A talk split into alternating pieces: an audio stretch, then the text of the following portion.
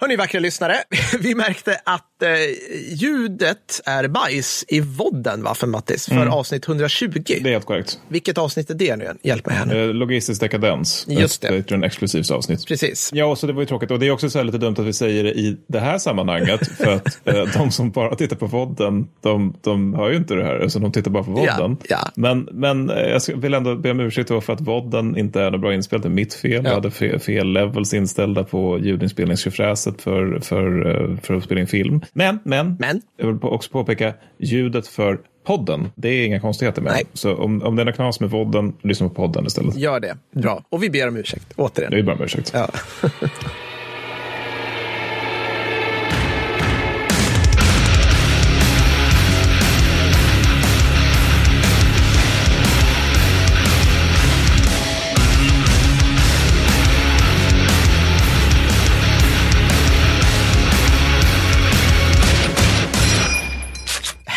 Hej och välkomna fantastiska lyssnare. Det här är Kickstory-podden, jag heter Per Olin. Med mig har jag Mattis Bergvall. Ja. Vapendragare, El Allo, vapendragare. Som att det här är någon form av... Vi är ju jämbördiga. Du kan inte låta mig säga sådär Mattis. Du måste säga Jag, app, app, app, jag, måste tycker, jag brukar liksom låta dig inleda här och se vart vi hamnar någonstans. Ja. Jag jag ofta brukar liksom, ja men nu hamnade vi på Total War igen. Ja, I guess. Liksom. Det är ju egentligen det vi vill prata om. Ja, men våra försnack är helt genererat till att vi pratar om att det är kul att spela Ogre Kingdom så att du inte har fixat det DLC än. Så. Jag har fixat det. Ja, det sista Ja. jag gjorde innan påsklovet, ja, det var att så här, äh, köpa allting. Och då, såklart, eftersom jag är en idiotisk man som inte inte har förstått det här med reor, Mm. Nej. så sket jag ju att köpa den när det var nedsatt pris. Utan jag gick in och köpte allt fullpris.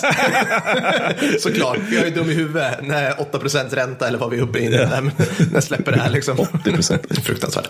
Ja, nej, men, så det, nej, men precis. Men eh, vad, vi, vi ska prata om saker idag, eller hur? Vi ska prata om saker idag. Först ska jag såklart be om ursäkt. För Ja. jag sitter såklart, alltså, nu ska vi se. Jag har en, jag har en vedspis med kakelinklädd Bra, bakom bra, mig. ja, jag har massa bra. hårda träytor runt mig. Ja, ja. Och det enda som talar för det här är att det är rätt lågt i tak och det är, det är typ någon form av gipstak. Allt annat är som gjort för sämsta möjliga ljudmiljö. Jag tycker vi ska göra, försöka lura i lyssnarna någonting om det här med att du har liksom nu sagt, sagt adjö till civilisationen. Ja. Liksom så här, reject modernity, embrace Una-bombaren. Per bor nu i en hydda. Liksom, nej, nej, nej, för fan. Här sitter jag. Det här är ju Dala, det är det finaste Dala möjligt. Jag sitter alltså i ett jättefint gammalt härbre Mhm. i Nyrövells kök som jag lånat med svärföräldrar. Jag har en kex, eh, kex Heby ljusstake bakom mig. Det här är värt gre- Det här är fint på riktigt. Mhm. Jaha, ja. Så ni som ser vodden kan så här mysa i hur mycket Dala, hur mycket Dalamys det här är helt enkelt. Uppfattat. Men har vi några shoutouts? Jag har en. Ja. Som vanligt så drog jag en ur röven Bra, precis innan jag tryckte på räck. Nej, jag bara. ja. Nej, men jag, jag, jag har en shoutout med, en- med en inbakad uppmaning som kommer här. Mm. Det här är till våra tama experter. Vi tycker ni är fantastiska som låter oss, när annan faller på, ställa en massa frågor om er spetskompetens inom Försvarsmakten av idag. Mm. Så här är det. Vi har på lite olika sätt och vis fått, framförallt via mail av någon anledning, folk som typ hört av sig och bara, jag tyckte det här avsnittet var bra. Oh, by the way, jag är också så här legitimerad sjuksköterska och jobbar typ på Amfbat Just det. eh, Mm. med traumavård. Har ni några frågor om sjukvård inom Försvarsmakten, Mm. hör av er. Och så har vi, har vi några sådana liksom på som så här. Och det tycker vi är underbart. Alltså, ja, sjukvårdspersonal, stridsvagnsofficerare, flygfolk. Det låter lite som jag skryter om ett spionnätverk. Vi har tentakler ute i... vi vet allt. Det men det är sant, det är, det är verkligen praktiskt det här med att vi har ganska bra spridning inom Försvarsmakten. För det Mm. gör ju att vi faktiskt kan fråga folk som vet någonting om det vi pratar om. eh, Ja, om ja. vad vi ska prata om. Ja, och, eh, nej men så att, ja, och, så det är egentligen en uppmaning liksom. Om du sitter på en tjänst inom försvaret som du tänker så här, hmm, i det här ämnet behöver Per och Mattis kamma sig lite grann. Mm. Eller liksom, det här, är, det här är komplicerat men intressant. Och liksom så. Så hör av er. Och så var, vi kan inte lova att vi kommer nyttja er liksom var och varannan dag. Nej. Men det är jättebra att ha för oss. För att vi vill inte ha fel.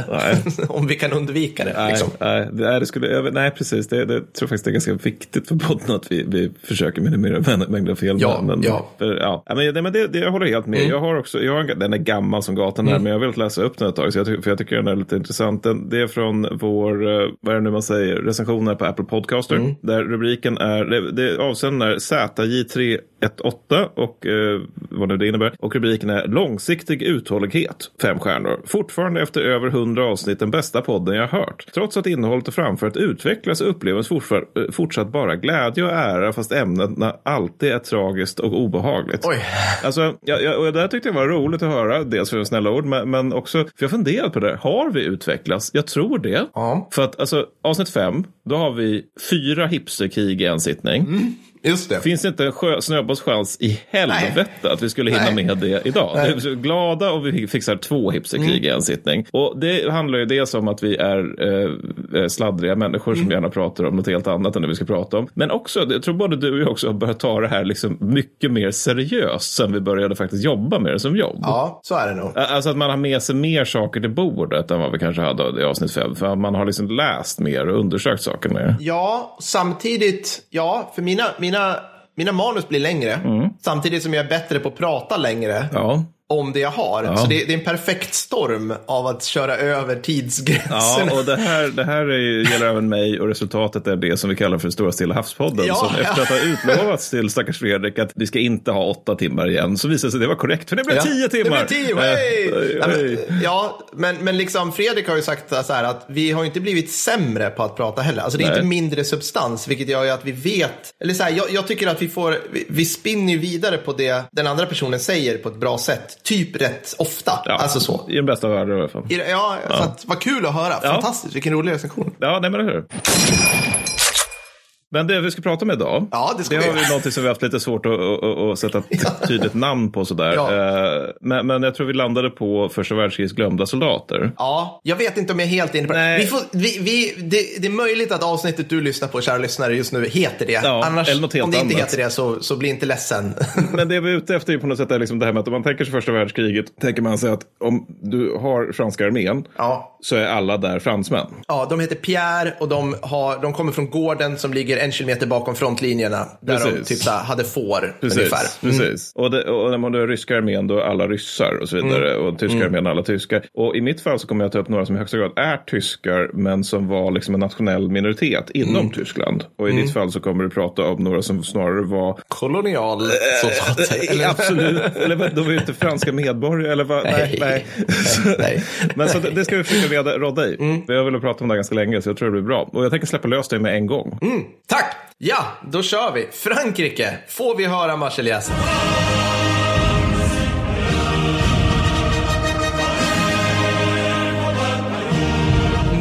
Mm, Apropå det, det här måste jag säga nu. Eh, I höst kommer en film om fucking Napoleon där, wait for it, Michel motherfucking Ney är med. Alltså jag, Just saying, jag, jag, just mitt, saying. mitt liv har just blivit komplett. Jag kan dö lycklig. Ja, jag tror det. Jag, tror det. Jag, jag var tvungen att gå in och kolla på vem som spelade honom, jag kände inte igen honom. Ah, okej. men det kan vara både bra och dåligt, Ja. tänker jag. Alltså så. Okej, jag ska prata om franska kolonialtrupper som stred i, i, eh, under första världskriget. Mm. Och, alltså, för det första, med, det här är bara Per Wallin kan fnissa sig genom kolonialpolitik. men det finns, något, det finns något orimligt fint hos fransk kolonialpolitik som, alltså i jämförelse mot andra kolonialmakter under tiden. Mm. För att det finns absolut så här galopperande rasism på tout.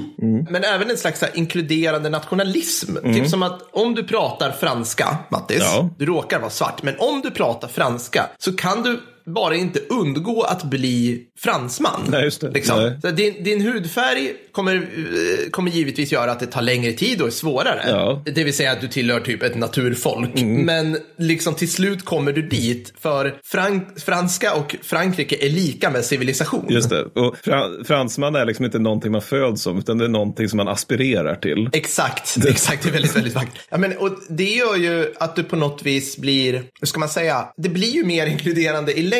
För om jag får intrycket av liksom brittisk kolonialpolitik, då är det liksom, alltså i bästa fall white man's burden, att vi orkar, du vet, ja, men de kan få järnväg någon gång, ja. du vet, de kan få åka tåg. Men annars är det mer så här, stampa ner dem i jorden, för vi är de vita och ni är de svarta. Men Frankrike är den här, jag vet inte, vi kan, vi kan frälsa dem på ett annat sätt. Det är Min, ja, det här är väldigt... Ja, men Brit- britterna hade den där tendensen att, att liksom bevara, eller liksom ha kvar ga, ga- gam, de liksom gam, gamla samhällen och så vidare. Men, men det hade ju inte de humanism utan mer för att det var, de tyckte det var väl dyrt att liksom inte ha kvar kastsystem i Indien och liknande. Alltså Ja. det, det, det är bättre att bara ha det som det alltid har varit Ja. så kan vi suga ut pengar ur dem. Alltså Ja. att vi liksom, Medan bara... Frankrike aldrig haft en känsla för ekonomi. Nej, nej. De, ju, precis, precis.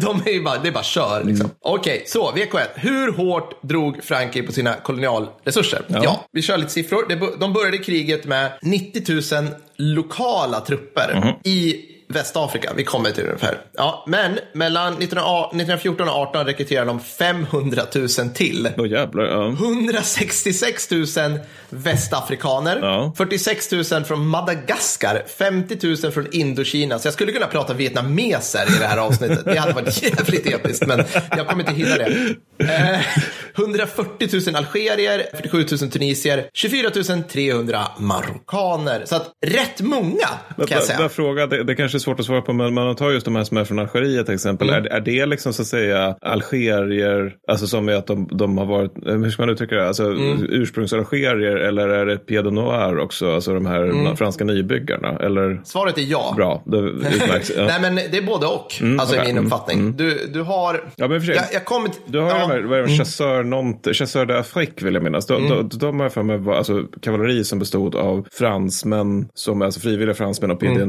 Noir. Men sen så hade du också Spahis som, som var liksom Mm. ursprungsalgerier, eller vad man ska kalla det, som, som var också franska kavallerister. Så det kanske är något sånt då. Exakt. Ja. Precis. Alltså Ja. de, de, de, mot slutet av kriget så börjar man sätta de här, man är nära att göra blandade förband. Mm. Under första världskriget. Men man, man sätter liksom separata bataljoner då. Men, men samtidigt är det ju en hel del, Frankrike, och det här fortsätter de med alltså långt in på 50-talet, att ha franska officerare och franska NCOs, alltså underofficerare, Mm. i färgade förband.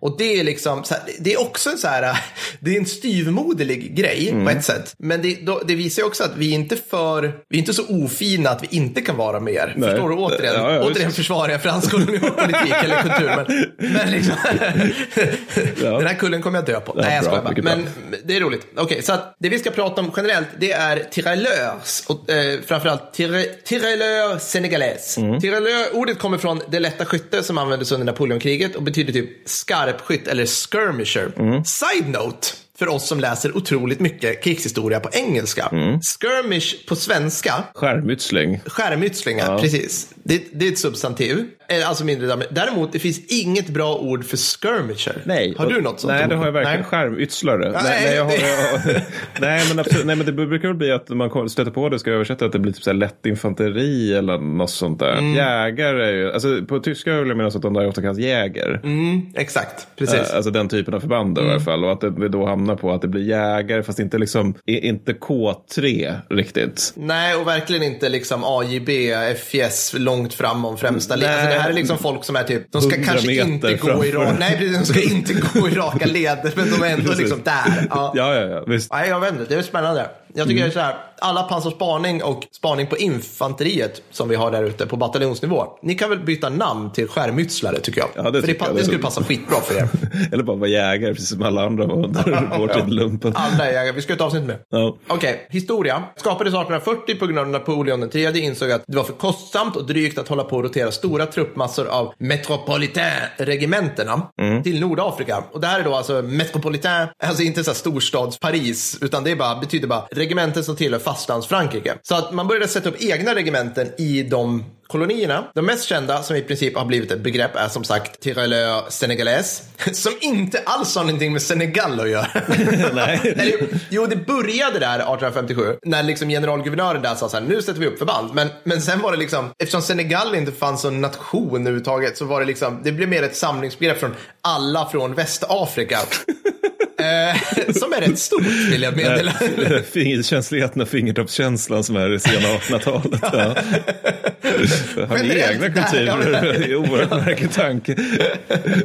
Ja, men, eh, rekryteringen var till huvudsak frivillig och det var små förband.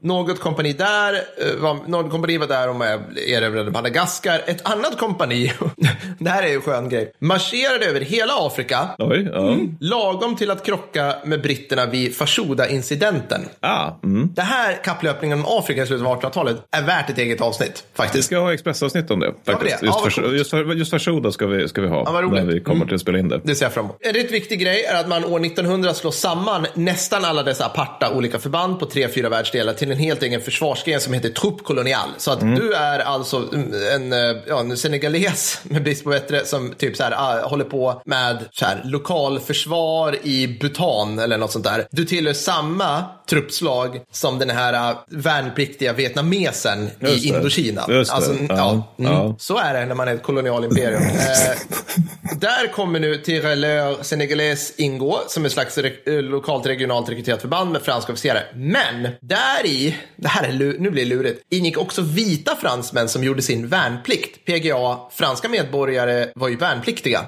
Så bor du i, så här, är du vit, ja, är du fransman och bor typ i Västafrika inom citationstecken, då ska du göra värnplikten. Och då, då kommer inte du skickas till fastlands-Frankrike, för det är ju lite böket kanske på 1800-talet och tidigt 1900. Så du får ju då ingå i en av de här förbanden.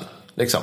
Ah, ja. så, att de, de, så de är inte segregerade på det sättet? De är sig, alltså, jag tror så här, nu gissar jag, jag tror att de skapade liksom egna så här, GU-komp. Liksom. Okej, ja, mm, GU-batt. Ja, ja. Och apropå bysantisk byråkrati, Ja. hashtag Frankrike. I trupp kolonial ingick naturligtvis inte Mattis, de vid det här laget berömda nordafrikanska regementena. Nej, nej. Nordafrika, Västafrika. Nej, nej, nej. Alltså, det här är alla de man har hört talas om kan jag säga. Suaves, Spahis, algerisk och marockansk tireleur. Mm. Så det finns de tireleuren också. Just det. Just det. De ingick ju såklart i Armée d'Afrique. det vill säga fastlands-Frankrikes i praktiken 19 armékår. Ja, ja. Inte alls komplicerat det här överhuvudtaget. För för de här nordafrikanska besittningarna, de var väl en del av Frankrike? De, det, det var ju inte, kolon, var det inte så? De var väl Ja, inte kolo, alltså- kolonier, utan att de var Frankrike, Ja, alltså, fast vi i skulle nog- Nordafrika. ja, precis. Alltså, vi skulle typ kalla dem lite mer så här kronkolonier, tror jag. Ja, just det. Alltså så här, Mm. lite närmare hjärtat. Ja, alltså framförallt ja. Algeriet. Eh, Algeriet, Algeriet, Algeriet liksom. Ja. Ja. Okej, så Frankrike använder då Sahara, man kan tänka sig geografiskt, man använder Sahara som en skiljedelare mellan sina senegalesiska Tirelö, centrala väst- västafrikanska förband och de norr om Sahara. Mm. Sen kommer, nu börjar vi hamna här, sen kommer VK1. Fredrik, Mm. kan vi få höra en ödesmättad gongong? Ovanligt lätt krav från dig, tycker jag. Ja, jag Fredrik tänkte, nickar den här gången menande. Kan vi få höra Marockos nationalsång överlagd över bongotrummor tillsammans? Nej, det ska... Josef Joffre-jingeln, kan jag få den? ja. Det är påsk, jag tycker han ska få vila någon gång. Ja. Frankrike finish nu med ett vidsträckt kolonialimperium där förbandsmassorna är organiserade ungefär lika rationellt som en adelstung här i ett senmedeltida kungadöme. Mm. Det vill säga, lite här och där, mycket så här, det, det är så här hallmark på, på arméer som är, som är liksom inte så användbara. Det är att det är massa fristående bataljoner. Ja, ja. Org 13 försvarsbataljoner. Så är det med det. En massa frifräsande bataljoner och regementen som alla har sina unika färggranna jackor, roliga traditioner och militära specialiteter. Mattis. Mycket bra, mycket bra. Men förmodligen helt egen så här logistikkedja som är Absolut. gjord av typ någons mosters kusins... Ja, ja, ja. Men också egen utbildning av manskap. Ja, ja, ja, ja, givetvis. Och typ här, helt egna språk, gärna liksom. Ja, så jag, jag får lite vibbar av den bästa dubbelmonarkin här. så det, är- ja, det är ja. en bra magkänsla. Men det, men det härliga då att den bästa monarkin lyckas ju ha den här typen av myller fast liksom bara i centraleuropa. Ja, ja, Inte så här exakt. världsomspännande imperium, Nej, utan vi, nej. vi trycker ihop allt det här i ganska liten yta i Ja, Europa. ja. Så, så Frankrike, det Frankrike gör nu, det är att försöka kasta allt det här småskaliga ut genom fönstret och försöka så här, nu måste, vi ska inte bara stampa fram det här i divisioner, utan det måste vara armékårer och arméer gärna, liksom, för att det här ska bli någon någon umf liksom, mot tyskarna. Men var kommer då alla dessa aparta förband bestående av dussintals olika etniska grupper, språk och religioner med till bordet? Vad kan de tillföra? Jo, det största lastbilslasset jävlar anamma i franska imperiet. Alltså typ alla av de här förbanden är inom, inom cit- citat en av de mest dekorerade förbanden i Frankrike. Jaha. Både före och efter VK1. Ja, alltså det, det är liksom, de har gjort en massa grejer. Det är inte så att så här, du, det, man ska säga så här, de, de är ju bara det att de är uppsatta som förband och bestående av till huvudsak frivilliga, framförallt Senegales Tirelö, gör ju att de är liksom redan som liksom förbandskohesion på en högre nivå än framstampade franska värnpliktiga. Ja, just det. Ja, ja. Det blir det som har, re- ja, de kanske har repövat lite grann. Men det, det, är liksom, det är inte alls samma nivå. Jag- kommer lite mer till det i framtiden. Ja, som sagt, även under VK1 var de allra flesta frivilliga. 89 000 av 170 000 tjänstgörande muslimer var frivilliga. Och av de 170 000 stupade 36 000. Och jävlar, ja, okej. Mm. Ja. Så säg 100 000 förluster totalt där kring då, borde det vara. Något sånt. Ja. De fick bland annat genomlida tyskarnas första anfall med kloringas Där, ja. 22 april 1915. Så här. Och de fortsätter att göra bra ifrån sig under hela VK1. Alltså det, det är en, ja. Hur gick det för senegaleserna? Den, min, lilla, min lilla insmalning här som jag försöker göra bland det här enorma truppmassorna. Till krigsutbrottet 1914 hade man spottat upp styrkan till 21 bataljoner, antingen tjänstgörande i Västafrika eller i Marocko var man då. I det sistnämnda på grund av att Frankrike insett att det är svårt omöjligt att bekämpa inhemsk gerilla med inhemska förband. Just det. Rimligt. Så att man, ja. Ja. det är rimligt. Ja, men liksom, vi, vi skickar senegaleser, senegaleser till Marocko för att strida mot den marockanska gerillan som vi såklart har där. Medan de marockanska förbanden skickar vi någon annan. Alltså det här förvånar mig inte det minsta att man håller på så här. Ja, men, men, alltså, så här, nej, men det känns ju så här, om, om det är så här, oj då, det är en folklig resning där de demonstrerar för självständighet. Mm. Ni där, eh, som vi rekryterar från exakt samma folk, kan ni tänka er att skjuta på era mammor och systrar så att de slutar krävas? Det, det kommer ju liksom inte, det är nog sällan det fun- fungerar så bra. Nej, nej, det, det, och det är roligt. Och det intressanta också är att även efter att Frankrike ramlat in i VK1, du vet Mattis, det här all, komplett allomfattande industrikriget som vi alla vet nu. Mm, då fortsatte man att pyssla med counterinsurgency och rena strider med relativt mycket trupp i Marocko.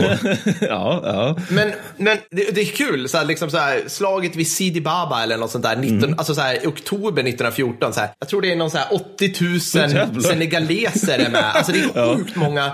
Det är, svi, ja, men det, Det är betydande truppmassor som inte är på västfronten. det är väldigt, verkligen. Men jag, jag tänker så här, det där var ju helt, är de från vettet? Men i och för sig, alla tänkte sig att VK1 skulle gå fort Ja, jo. och vara rätt begränsat. För att inge, vi vet ju idag vad det utvecklades till, men det hade ju inte franska man Nej. bara, ja, vi är i krig med Tyskland, det är ju jobbigt, men de där, de där marockanska rebellerna.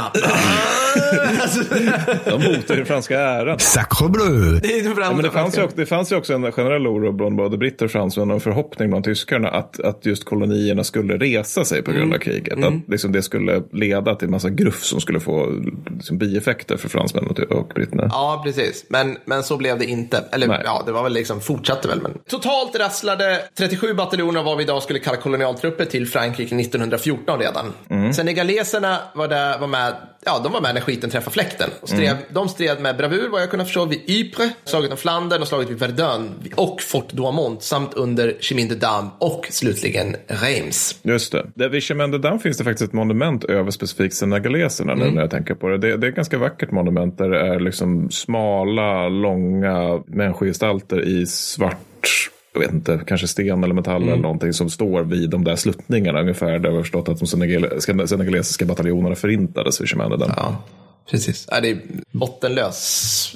Ja, fy fan. Sen också då såklart, oklart om det var på grund av bra rykte som soldater eller ren rasism från franska statsarméledningens håll. Ja. Men sju bataljoner Tirolös skickades iväg på Churchills nederlag, det vill säga Gallipoli. Jaha.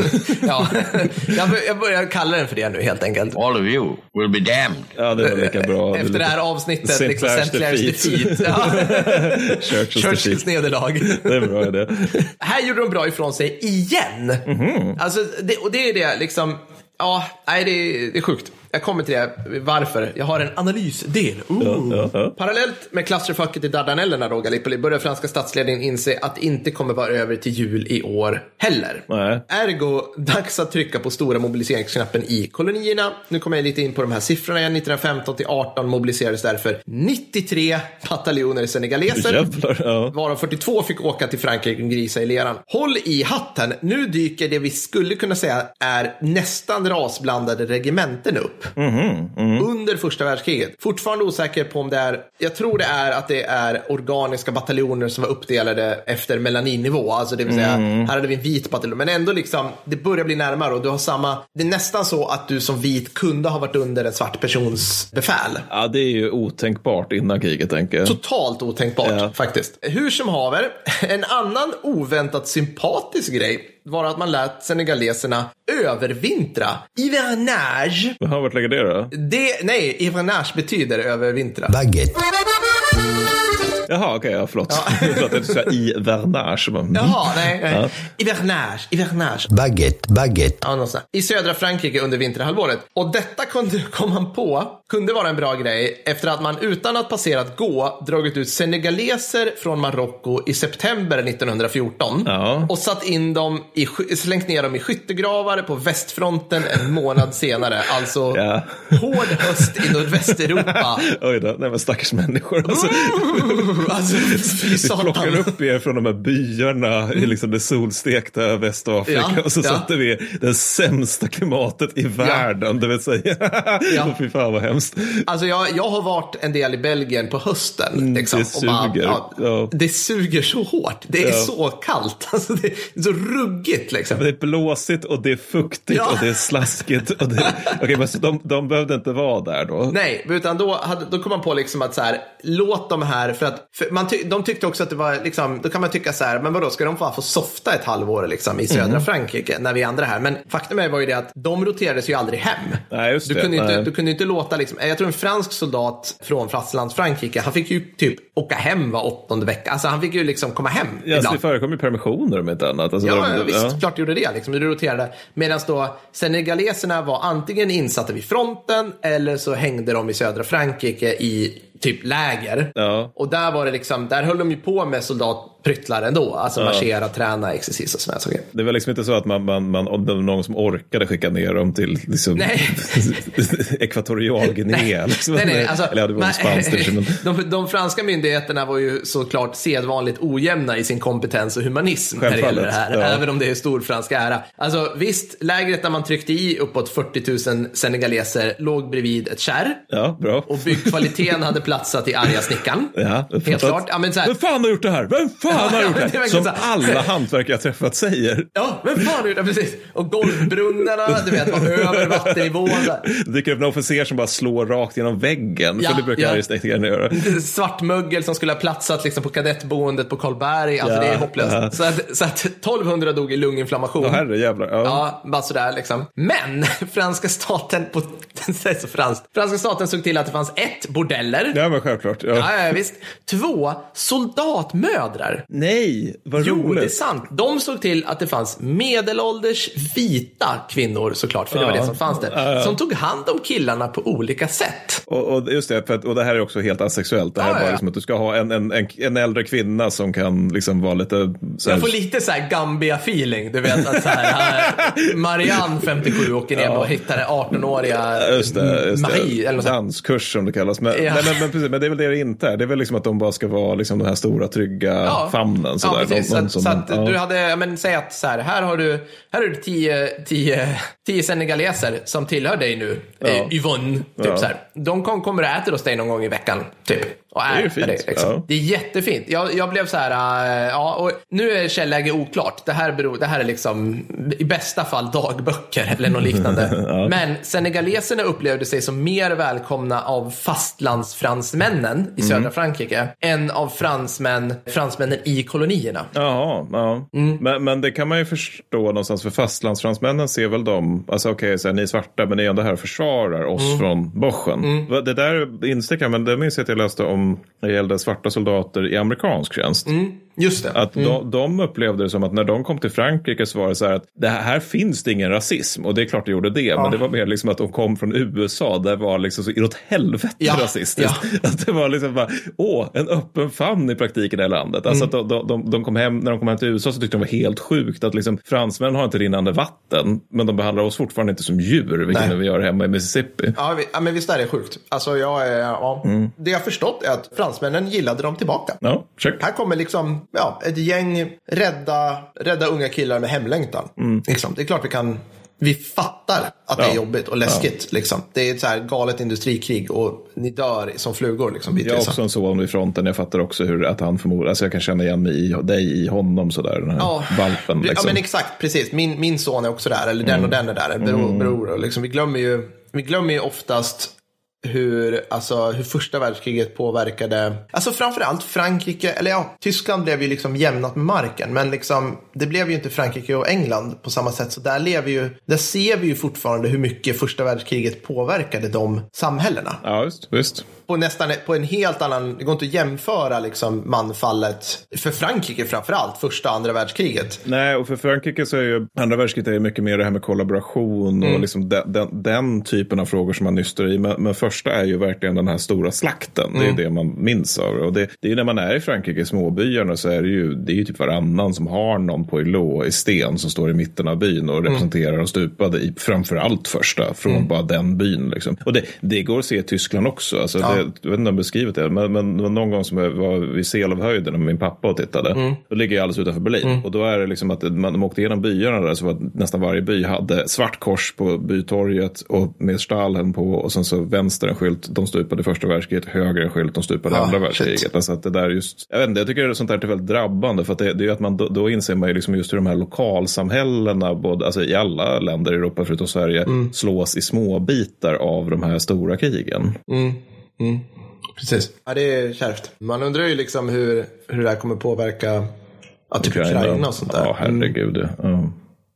Hur som helst. Ja, låt oss pigga upp oss. Jag har eh, analys, Mattis. Ja, mm. Och nu kommer jag till det jag har, eh, det jag har liksom duttat med under min prata här. Och det är så här, var kolonialtrupperna bra? Ja. Jag, jag bara hittade på den här frågan. Ingen har ställt den här frågan ja. Vi har inte haft den innan. Så här, ja, de var alltså, på pappret vansinnigt dekorerade, både på individ och förbandsnivå. Mm. Var det då, kära Mattis, kolonialherre i Frankrike som du nu får spela här, var det för att de var färgade och därigenom ett härdigt, modigt men lite dumt naturfolk? det vill säga primitiva, naturliga krigare, det, som en fransk general uttryckte det. Var det därför Mattis, tycker du? Du tycker att det var därför? Ja, ja.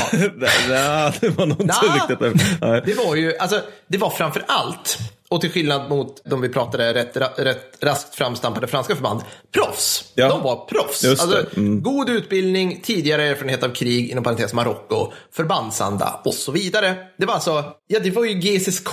Mm. Mm. De, de var ju GCSK, franska för, alltså kolonialförband, Colonial och General Så de hade liksom en, en helt annan koppling till sin identitet som soldater än vad nu ska Mattis Bergvall in i Livgardet igen. PGA, Stora Nordiska kriget 2.0 drar ja. igång. Alltså ursäkta, om du förstår vad jag ja, menar. Men liksom, lite för, liksom. för det där jag läst med om de eh, västafrikanska förband som var i Indokina på 50-talet. Att mm. de rekryterades till ganska stor del från ja, men alltså delar av Västafrika där du hade någon så här äldre krigarkultur. Liksom. Ja. Alltså att det finns den där unge mannen skär sig i kinderna och mm. det indikerar att nu är han krigare. Och då mm. finns det liksom den här, att det fanns liksom en, en ritualisering och en, att det fanns en status i att vara soldat. Ja. Alltså, att du, du, kunde vara det som gebit på ett sätt som du kanske inte var liksom, i Paris när du, var, liksom, du jobbade på fabrik med att liksom, se, eh, göra Renault-bilar. Liksom, Nej, och sen, precis. Och helt plötsligt så mobiliseras du liksom, ja, på något vis. Nej. Alltså, eh, intressant. Det, ja, hela, min, hela min prat gick ut på att det är bra med anställda soldater. Snipp, det är bra med kolonialism. ja, det, ja. Fransk kolonialism. Ja, självfallet. självfallet. Mm. Ja, så var det med det.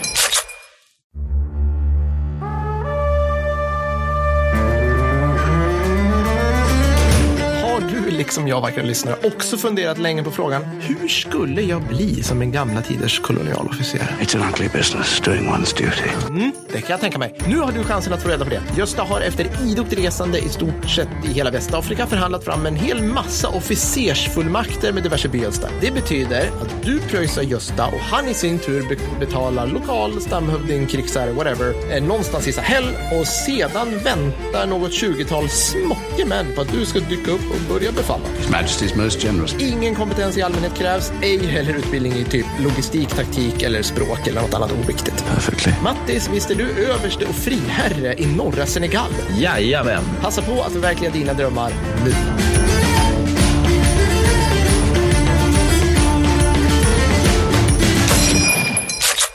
Men ja, lysande Per. Tack. Jag ska nu prata om någonting. Alltså, du pratar ju om, om, soldater som är, de strider för Frankrike men är inte fransmän. Korrekt. Jag ska prata om soldater som strider för Tyskland och är tyskar men som inte av, inte av alla tyskar ses som tyskar. Ah. Mm. Lite komplext där, men det är också viktigt att komma ihåg att de jag snackar om nu, det här är faktiskt centralt, mm. det är att mm. de i högsta fucking grad är tyskar främst. Och de ser sig som sådana. Jag ska nämligen snacka om de tyska medborgare av judisk börd som stred för Tyskland under första världskriget. Och det här är en jävligt sorglig historia av förklarliga skäl, för vi vet alla vad som hände sen. Men det är också en väldigt intressant historia. Jag tror också delvis viktig historia för att förstå liksom, Tyskland och den tyska, tyska judendomen och eventuellt även vad som hände sen också. Men totalt har vi 100 000 tyskar, som, eller 100 000, 100 000 judiska tyskar som strider för Deutschland under första världskriget. Ja. Det var 12 500 ungefär stupar då. Ja. Det här kan jämföras med Österrike-Ungern och det är, en, det är en podd i sig, alltså den österrikisk-ungerska judendomen. Det skulle nog göra någon dag. Det här är alltså 320 000 eh, judiska medborgare som strider i dubbelmonarkins armé, varav 40 000 stupade. Så det är liksom, det är, det är en rejäl del av den här. Där. Det är även i Tyskland, men där är det ännu mer. Då. Och trots väldigt mycket nationalistisk propaganda så, så strider de tyska judarna ungefär samma omfa- omfattning som alla andra. Eh, Jag tycker till och med peka på att de strider ännu lite mer, men vi kommer till det. Och när, för att beskriva det här så kommer, kommer jag nu börja med att gå igenom lite grann den, den alltså, preussiska judendomens historia, för det är ganska viktigt att ha med det på något sätt. För att alltså, judar blir typ, alltså inte helt och fullt, men typ fullvärdiga medborgare i Preussen 1812. Det är tidigt. Det är riktigt det, tidigt. Det är tidigt, alltså sjukt nog är det tidigt. Det är mitt under Napoleonkriget. Det är liksom... Det, Jajamän, jajamän. Napoleon har just liksom kommit ut ur Ryssland. Det var tråkigt där. Stora armén finns inte längre. Och nu känner preussarna då, nu är det dags att slåss mot Nappe igen. Men sen är det också att, hur gick det förra gången vi, vi, vi, vi slogs mot Nappe? Ja, vi hade ju Jena. Ja. Eh, det var liksom innan VK1, det är så här stora, alltså jag har för mig att det är Kant eller om det är Hegel eller om det är båda som ser, ser Jena som att det här är liksom, det här är ett historiskt paradigmskifte. Det här är liksom ett, det, det finns som ett timglas, att det finns ett före och ett efter. Jaha, så, liksom. Det är en coolt. enorm grej Vi kanske ska prata historia. om Jena någon gång då. Det ska vi eventuellt göra, Ja, för det ja, leder bland annat mm. typ sånt här generalstaben och liknande. Ah, Tjärnors och Just grisen och pojkarna. Men så när man ska slåss mot Nappe så behövs ju kött. Mm. Alla behövs nu. Så det är liksom inte läge att hålla på och bråka om att ja, du, du erkänner inte Kristus som frälsare. Nej. Så att eh, man har för Tysklands judar restriktioner vad beträffar värnplikt. Men det lö, lö, lyder- löser de preussiska judarna då med att helt enkelt bli frivilliga i stor skala istället. Då. Och Friedrich Wilhelm III som är Preussens kung vid tiden, han anser att ju- judarna har ett citat eldigt oriental, eh, orientaliskt blod och en livlig fantasi. Allt pekar på manlig kraft när den riktas i rätt riktning. Slutcitat. Här har vi liksom alltså någon kombination av på något sätt antisemitism och filosemitism på samma gång, Jajamän, vilket är nog ganska tidstypiskt. Så. Och pro, pro, de preussiska judarna är verkligen eld och lågor över det här. Det är en eh, pamflett som ges ut av en judisk organisation eh, 1812 som beskriver det hela så här. Citat. Och stora, stora plikt att leva och ägna all den kraft åt faderlandet. Nu, bröder, nu är tiden att med ett blod och liv återbetala till den som gav er rätten att vara fria medborgare. Nu är tiden att bevisa att ni inte är ovärdiga detta privilegium, att ni inte är mindre hängivna till er kung och ert faderland än era andra bröder. Och notera att de säger faderland där, Vaterland. Ja, alltså ja. det här är återigen, det här är tyska medborgare, alltså de är tyskar primärt i den här sammanhanget. Och sen när preussiska armén marscherar iväg 1813 så hålls en stor mässa i Berlins stora synagoga. Den avslutas med orden Länge leve vår kung Friedrich Wilhelm den tredje och en rabbi menar att man inte behöver be i fält eftersom tjänstgöring för kung och faterland är en bön i sig. Det är ganska 40k där. Snacka också om att kunna sin historia, tänkte jag på det du berättade där. Alltså så här, vi är ju typ ett folk och vi vet, vi har bra koll på hur pissigt det har varit innan.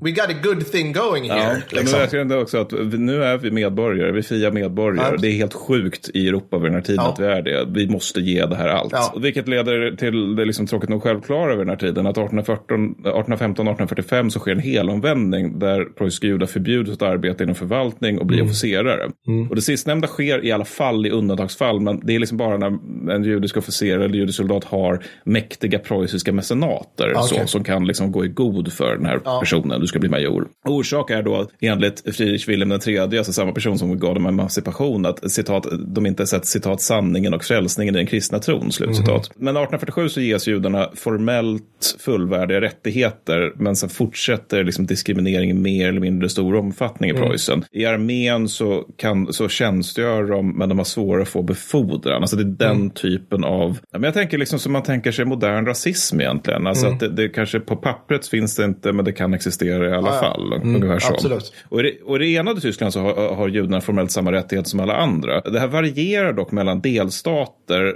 alltså där vissa är mer, eh, alltså vissa judiska del, befolkningar i vissa delstater har fler friheter, andra har färre, Mm. men informell diskriminering fortgår och därtill så är de också exkluderade avskedade enligt lag från vissa jobb.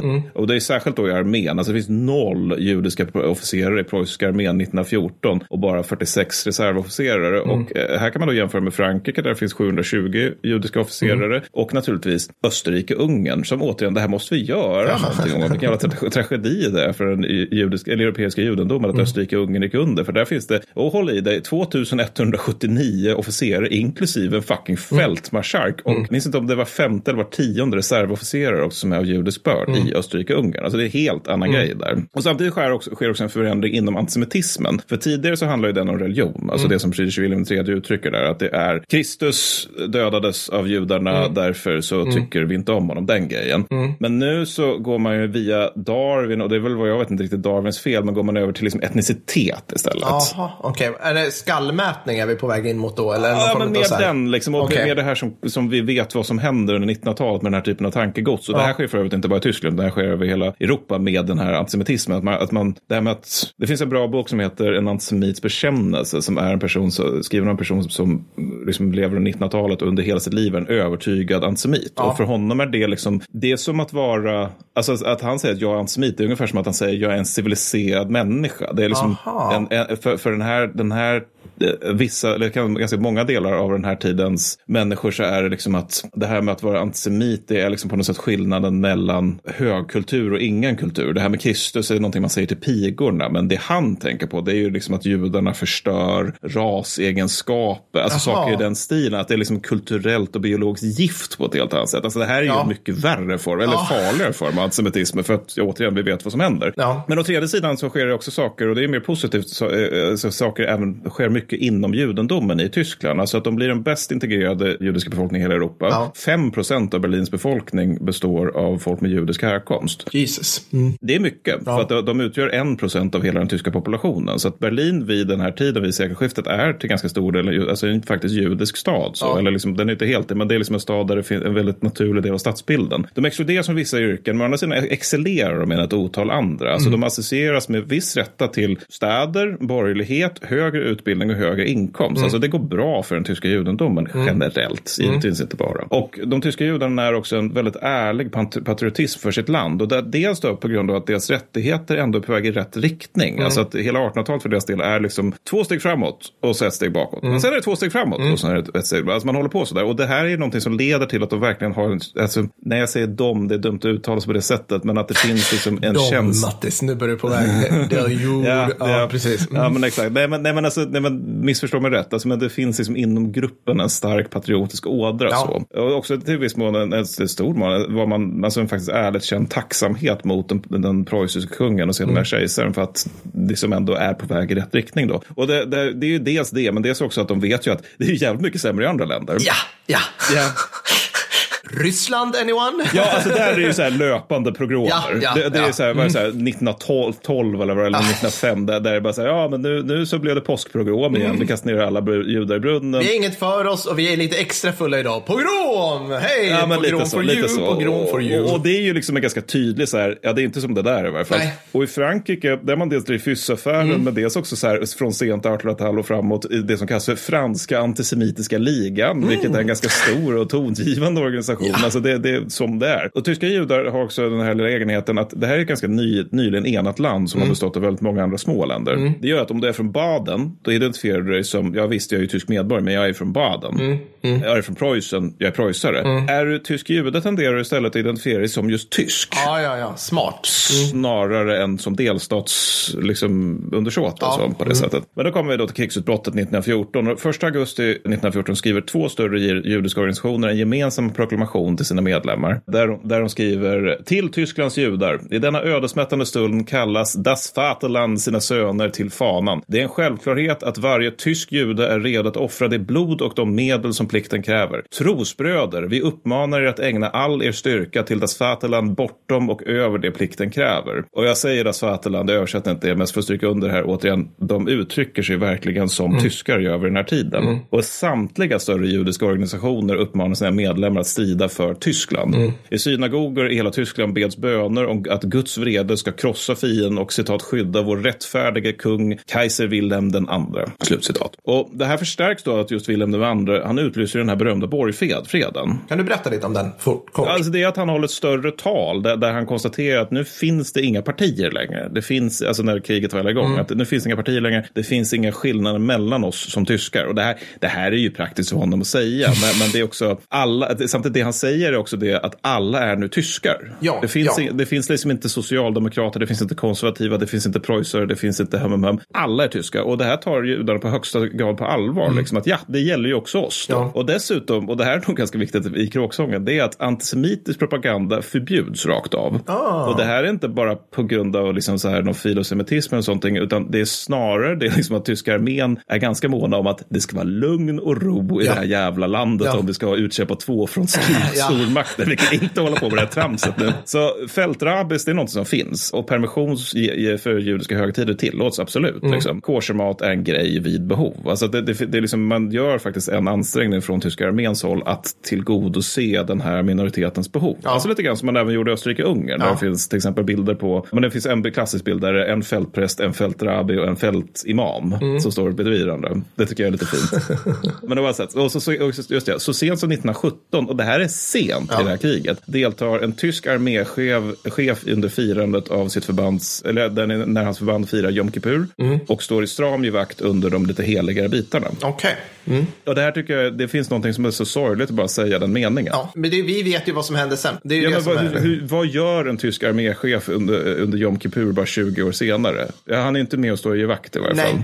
Nej, inte direkt. Nej, Det, det kan man ju säga. Nej, men, och sen blir det också det där i och med kriget att judarna har haft svårt och till och med omöjligt att bli officerare Mm. innan. Men nu blir de sakteliga även officerare. Och eh, att det går trögt, det handlar faktiskt inte bara om antisemitism. Men det går trögt för dem. Mm. Då blir det, men det går långsamt. Utan det, det är även om att, alltså en specifik grej för den tyska armén. De vill inte befordra civila till officerare. Hur ska man då? Nej, man ska väl utbilda dem först. Eller jag förstår inte. Ja, men alltså, de, de, vill, de vill ju ha liksom att du har gått kadettskola. Ja. Och sen så, sen så blir du Fänrik. Ja. Alternativt att du är NCO och sen så blir du Fänrik. De vill absolut inte ha liksom, du är frivillig menig och sen så blir du uppsparkad till att bli Fänrik. Det, det, det, då har du inte lärt dig bordskick. Alltså, Jaha, det, det, ja, ja. Nej. Nej, men det är väl en rimlig ståndpunkt kopplat till att man vill ha utbildade officerare. Liksom, Absolut, men det är också det att tyska officerskåren vid den här tiden är ju den preussiska officerskåren i praktiken. Ja, det, säga, ja. Mm. det, är, det är en kast, alltså det, det är ju en helt egen sfär i samhället. Nej, men så, eh, de, eh, som sagt så står ju då den, judarna för eh, ungefär 1 procent av Tysklands befolkning, men de är 6 procent av de frivilliga i augusti 1914. Ja. Ett extremexempel på frivilligheten där, det är en Ma- Martin Steinhardt som rycker in som 14-åring och är den yngste som får järnkors innan han stupar i oktober 1914. Oh. Och det är också en väldigt stor spridning vilka som är frivilliga. Alltså, en frivillig är ägaren av Tysklands största cigarrfabrik. Bra. Mm, Ja, Okej. Bra högborgerligt arbete för övrigt. Ja, ja. Han, han, han blir frivillig. En sosse- ett antal sosse-riksdagsledamöter blir det också. Mm. Och sen en satans massa arbetarpojkar. Så det är liksom en stark entusiasm för tjänstgöring bland tyska judar över brädet. Och i fält så varierar upplevelserna väldigt mycket vad det innebär att, att, att, vara tysk jude i tyska armén. Mm. Jag har två exempel för att illustrera. Då. Och då börjar vi med Julius Marx då, som tjänstgör 1914-1918. Och han har konstanta problem med antisemitism från framförallt NCOs och lägre officerare. Mm. Och det här manifesterar, det är lite intressant är att det här manifesterar, alltså man tänker sig att tyskar är antisemiter. Då tänker man att NCOs och lägre officerare försöker mörda honom. Mm. Och det, gör, det är, men det är inte så, och det, och det är naturligtvis illa nog det som han råkar ut för, men utan det är mer det lite intressant, att det snarare påminner om när man läser om hur svarta soldater har det i vita förband under Vietnamkriget i, för USAs del. Ah, ja. Alltså att det är rasism, det är glirigar, det är skämt inom stora citationstecken Ja, som inte ja. är skämt. Alltså, den, alltså det, det är just den typen av grejer då, Mm. vilket som sagt är illa nog. Men det som är intressant också är att Julius Marx har inte, alltså han har inte alls samma problem med meniga och högre officerare. Nej. För de meniga, det är ju liksom, det är ju hans vapenbröder och där liksom när man väl är ute i leran så är det ganska ovidkommande huruvida man har judisk eller kristen bakgrund så att Mm, säga. Och de högre cheferna, de säger åt honom, okej, du utsätts för antisemitism, bra, anmäl det omedelbart, det, kan, det tolererar vi inte i vårt förband. Nej, Så. nej. Det, för hans del går det väldigt, dock väldigt segt att bli befordrad till Fänrik och det sker på grund av att, och egentligen att det sker långsamt. Det är för att beslutet om befordran inte är upp till hans regementschef. Hans regementschef gillar honom, men, Ja. men att man ska liksom upp i högre nätet där för att få igenom det hela. ja. Han noterar också med viss förvåning att tyska armén ses som befriare av östeuropeiska judar när de tar Polen, för han är, han är med då under Gorlic då Ah. och eh, gör det. För, för alltså, de, de, de, de polska judarna hade ju varit under rysk ockupation. Ja, det, det, det var det. sådär, Det var kan man sådär, säga. ja, ja. Det var sådär. Alltså, det, det finns någon scen där när de tar tillbaka Lemberg där det är liksom hur är det nu? Det är hur den judiska befolkningen går liksom ut en mass och typ liksom kastar sig vid tyska och österrikiska arméns fötter för det har varit så jävla pissigt under ryssarna. Alltså att det, det var liksom nå, någonting i hästväg. Men, men han, han, samtidigt är liksom hans generella krigsupplevelse är väldigt negativ på grund av hur han behandlas på grund av sin börd. Så att han är ganska bitter mot slutet av kriget men fortfarande typ-ish tysk patriot. Sen har vi Hel- Herbert Sulzbach. Okej. Han är motsatsen. I hans, i hans eh, memoarer kommenterar han överhuvudtaget aldrig det faktum att han är jude. Han blir Fänrik ganska lätt. Ja. Han utsätts inte alls för antisemitism överhuvudtaget. Och det kan ju i och för sig också bero på att han, han är en sån person som är liksom, han firar inte Jom Kippur och så, utan han, han är jude på pappret. Okej. Ja, ja. Och ja. inte religiöst. Nej. Utan, utan det, så att, så att det är liksom, jag menar, han känner mycket större när han ser liksom en, alltså, känner fler känslor när han ser en katolsk högtid än vad han, hur han beskriver hur han känner för judendomen. Ja. Så, att, så, och så han är också så här, han är naturligtvis ärligt förvånad att tyskarna torskar kriget. För att han, är liksom så hela tiden så här, det här går så jävla bra, det är så jävla hurtigt, fan vilket röj det är här, vi kommer vinna. Eh, och slutar liksom där med kriget som äppelkäck tysk patriot. Ja. Ern, lite Ernst-känsla över honom kanske. Jag Ja, men li, lite Ernst, fast inte, liksom, inte lika mycket drag under galoscherna som Ernst. Utan är liksom, bara, "Ja, men det går ju bra. Ja, Det- ja. Jag tror ju på det de säger. Ja. Det, är finns väl ingen orsak till att inte tro att allt går bra. Varför skulle någon någonsin ljuga för mig? Det jag Helt- ingen helt förståelse för överhuvudtaget. Ja, men då jag tar upp de här två, två eh, alltså Marx och Sulzbach som, som exempel för att det är, liksom, det är en väldig variation. Alltså att vissa judiska soldater upplever en förbrödring och att Mm. skillnaden mellan kristna och judar helt suddas ut. Andra känner att klyftan snarare ökar, inte minst ju längre kriget går. Mm. Och, men, det- men, och det är just det som är grejen, att många upplever just det, att när, när Hindenburg och Ludendorff tar över OHL, då, då, är det, att då blir det värre, att antisemitismen blir starkare Aha. då. Alltså att det finns en starkare ådra i det tyska samhället generellt och därmed i den tyska armén. Att liksom göra ju- judarna till syndabockar och påstå att de håller sig undan tjänstgöringen. Aha. Och det här det leder till något som kallas för Judensalung. Och det, det har sin grund i att innan och under krig finns en rad små men inflytelserika så kallade Völkersgrupper. Alltså mm. Völkers är typ folklighet, men inte folklighet som att Bert Karlsson är folklig. Utan, eller jag sig kanske lite som det. Nej, men, nej, Völkers mer så här blod och jord, alltså Ja. den grejen. Och de här sprider under kriget aggressiv antisemitism via pamfletter. Då. Det handlar i regel om att judarna inte gör fronttjänst och al- alternativt att de kontro- kontrollerar allt och skor sig på kriget. Och det här sistnämnda, det späs på ganska mycket av att många av de som sköter den tyska befolkningsförsörjningen är av judisk härkomst. Det här är ju alltså någonting de, de gör i egenskap av tyska medborgare. Det, Ah, deras, ja. de, de, de, de, de, de jobbar med någonting som är relevant för att kunna göra det här.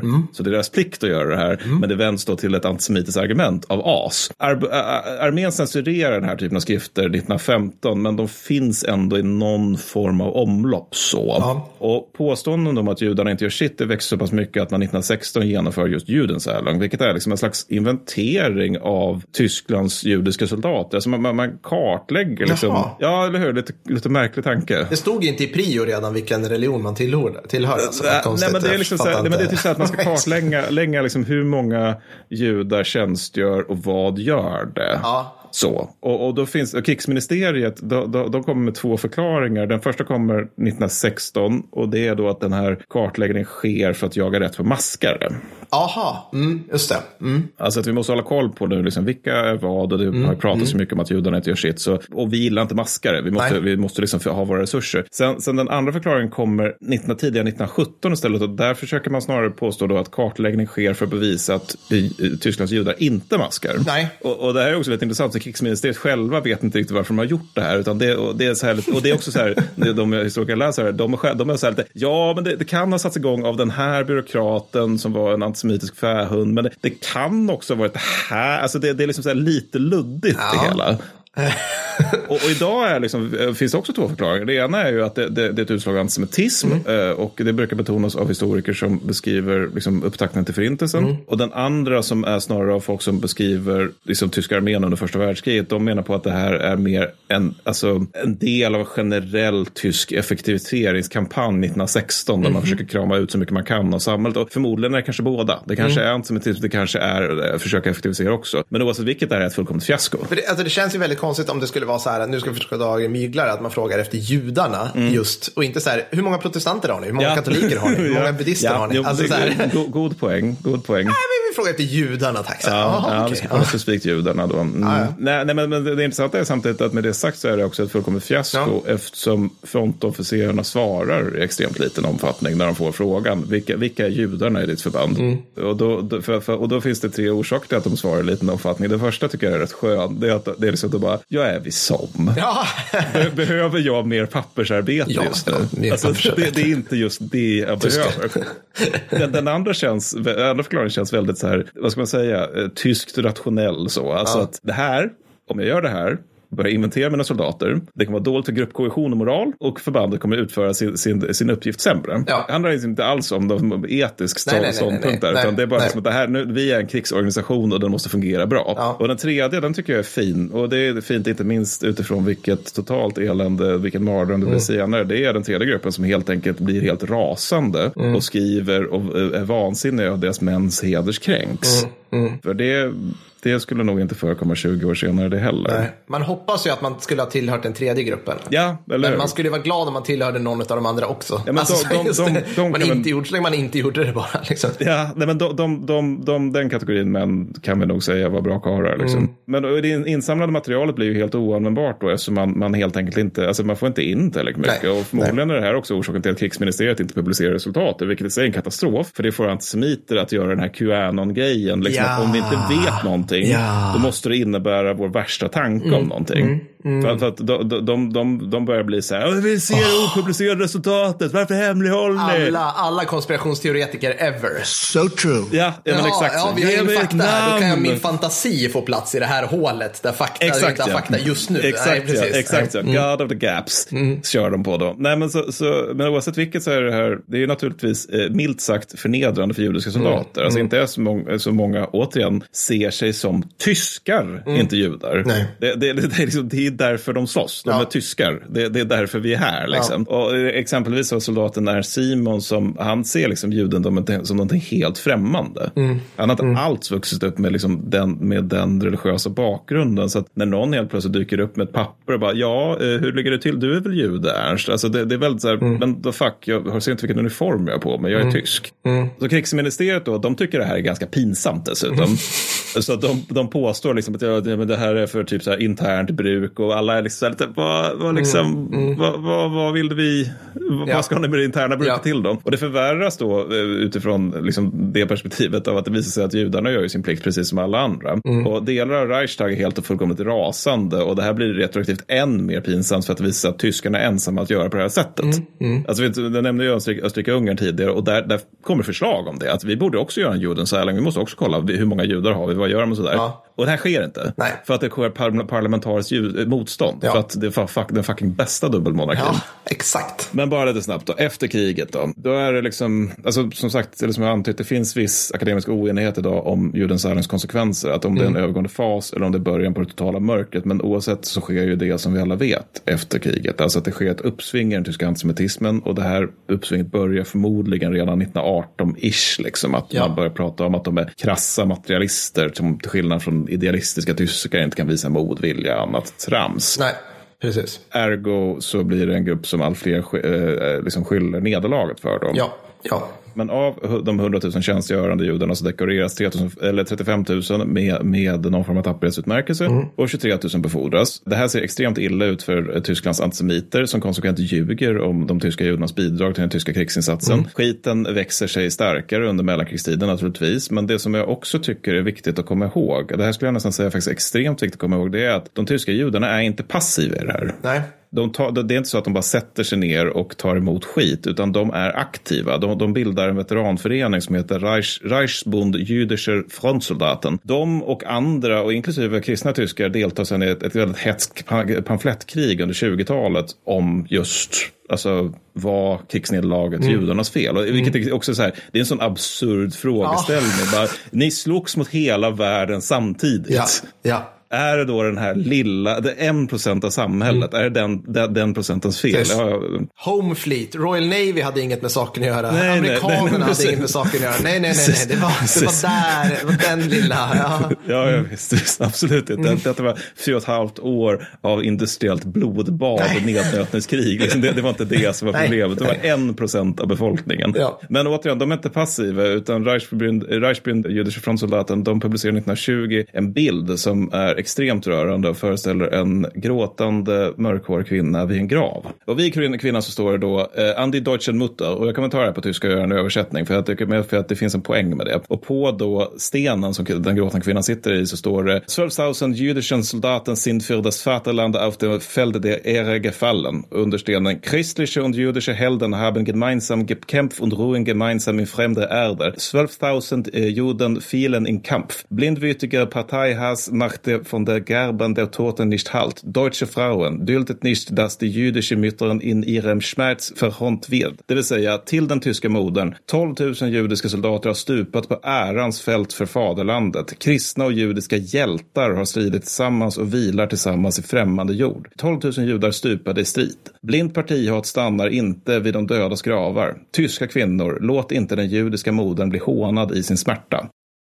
Och det finns mycket sorgligt i detta. Eh, Mycket väldigt uppenbar mardröm i det som vi idag vet kommer drabba medlemmarna i Reichsbund jüdische frontsoldaten. Men en slags glömd sorglighet i det här kan jag tycka, det som, alltså det som står på just den här eh, pamfletten. För det är liksom att de skriver det här som så uppenbart tyskar.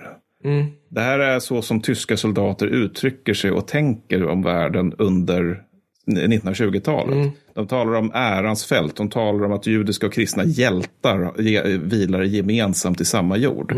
Och det är liksom de här männen som är några av dem som kommer mördas i miljoner av det land som de själva har tjänat med blod, smärta och tapperhet. Och det i sig är en sån jävla mörker bara det. Så det var det. Det var, var det. de tyska judarna under första världskriget. Ja. Tack Mattis. Ja, tack själv. Vi har, vi har något avsnitt framför oss tycker jag, där vi ska prata om Versaillesfreden. När man förlorar ett krig. Vi har haft folk som har, som har faktiskt bett oss att prata om dåliga freder. Ja, den ligger bra till. Den ligger bra till. Den är nästan lite för stor. Den är nästan lite för mörk på ett sätt. Men Ja, den jo, är, jo. ja, det är, Alltså man, kan, man kan lätta upp det med det här med den här rumänska drottningen som lyckas typ skapa ett, det är för mig att hon är drottning, som kan lyckas skapa typ ett stor Rumänien Ja. utifrån Rumäniens ganska bristfälliga krigsinsats under första världskriget. det är sant. Ja, precis. Alltså så första världskrigets, alltså vi kan prata Versaillesfredens liksom globala åverkningar. Så är ju, är ju liksom, ja gud. Ja. Jag hoppas ni har gillat det här avsnittet. Ja. Om ni gillar det vi gör så bli gärna patrons. Ja, för att då får ni tillgång till jättemånga andra avsnitt. löjligt många avsnitt. Det var sjukt Det många måste vara avsnitt. typ 30 eller minst 40. Nästa ordinarie avsnitt som du som inte är Patreon kan lyssna på är om svinstora fabriker under andra världskriget. Ja. vi fortsätter på det här industrikrigstemat lite grann. inne på. Det, ju, lä- ju längre vi kommer liksom från själva fronten och förbandsmassorna som krockar, desto nöjdare blir jag. Nu Ja, ska vi ja, ner det- på fabriksgolvet här. Det här är Mattis läser högt ur War, by, War on nej, Numbers. nej, den här kommer bli eh, OKH Toy Factory, det vill säga jag ska snacka om Nibelungenverk. Du tar Nibel, just det, så är det. Och jag tar Detroit, Mm. tror jag. Vi kommer lägga upp det. Det kommer bli fantastiskt. Men ni, ni som är Patrons har ju såklart 122 får ni Patreons. 122. Och det har ni inte röstat om när vi spelar in där. Nej, så var det med det. Det blir fantastiskt. Tack för att ni har lyssnat. Stort tack för det. Och så hörs vi igen snart. Ha det gött. Ha det bra. Hej. Hej då.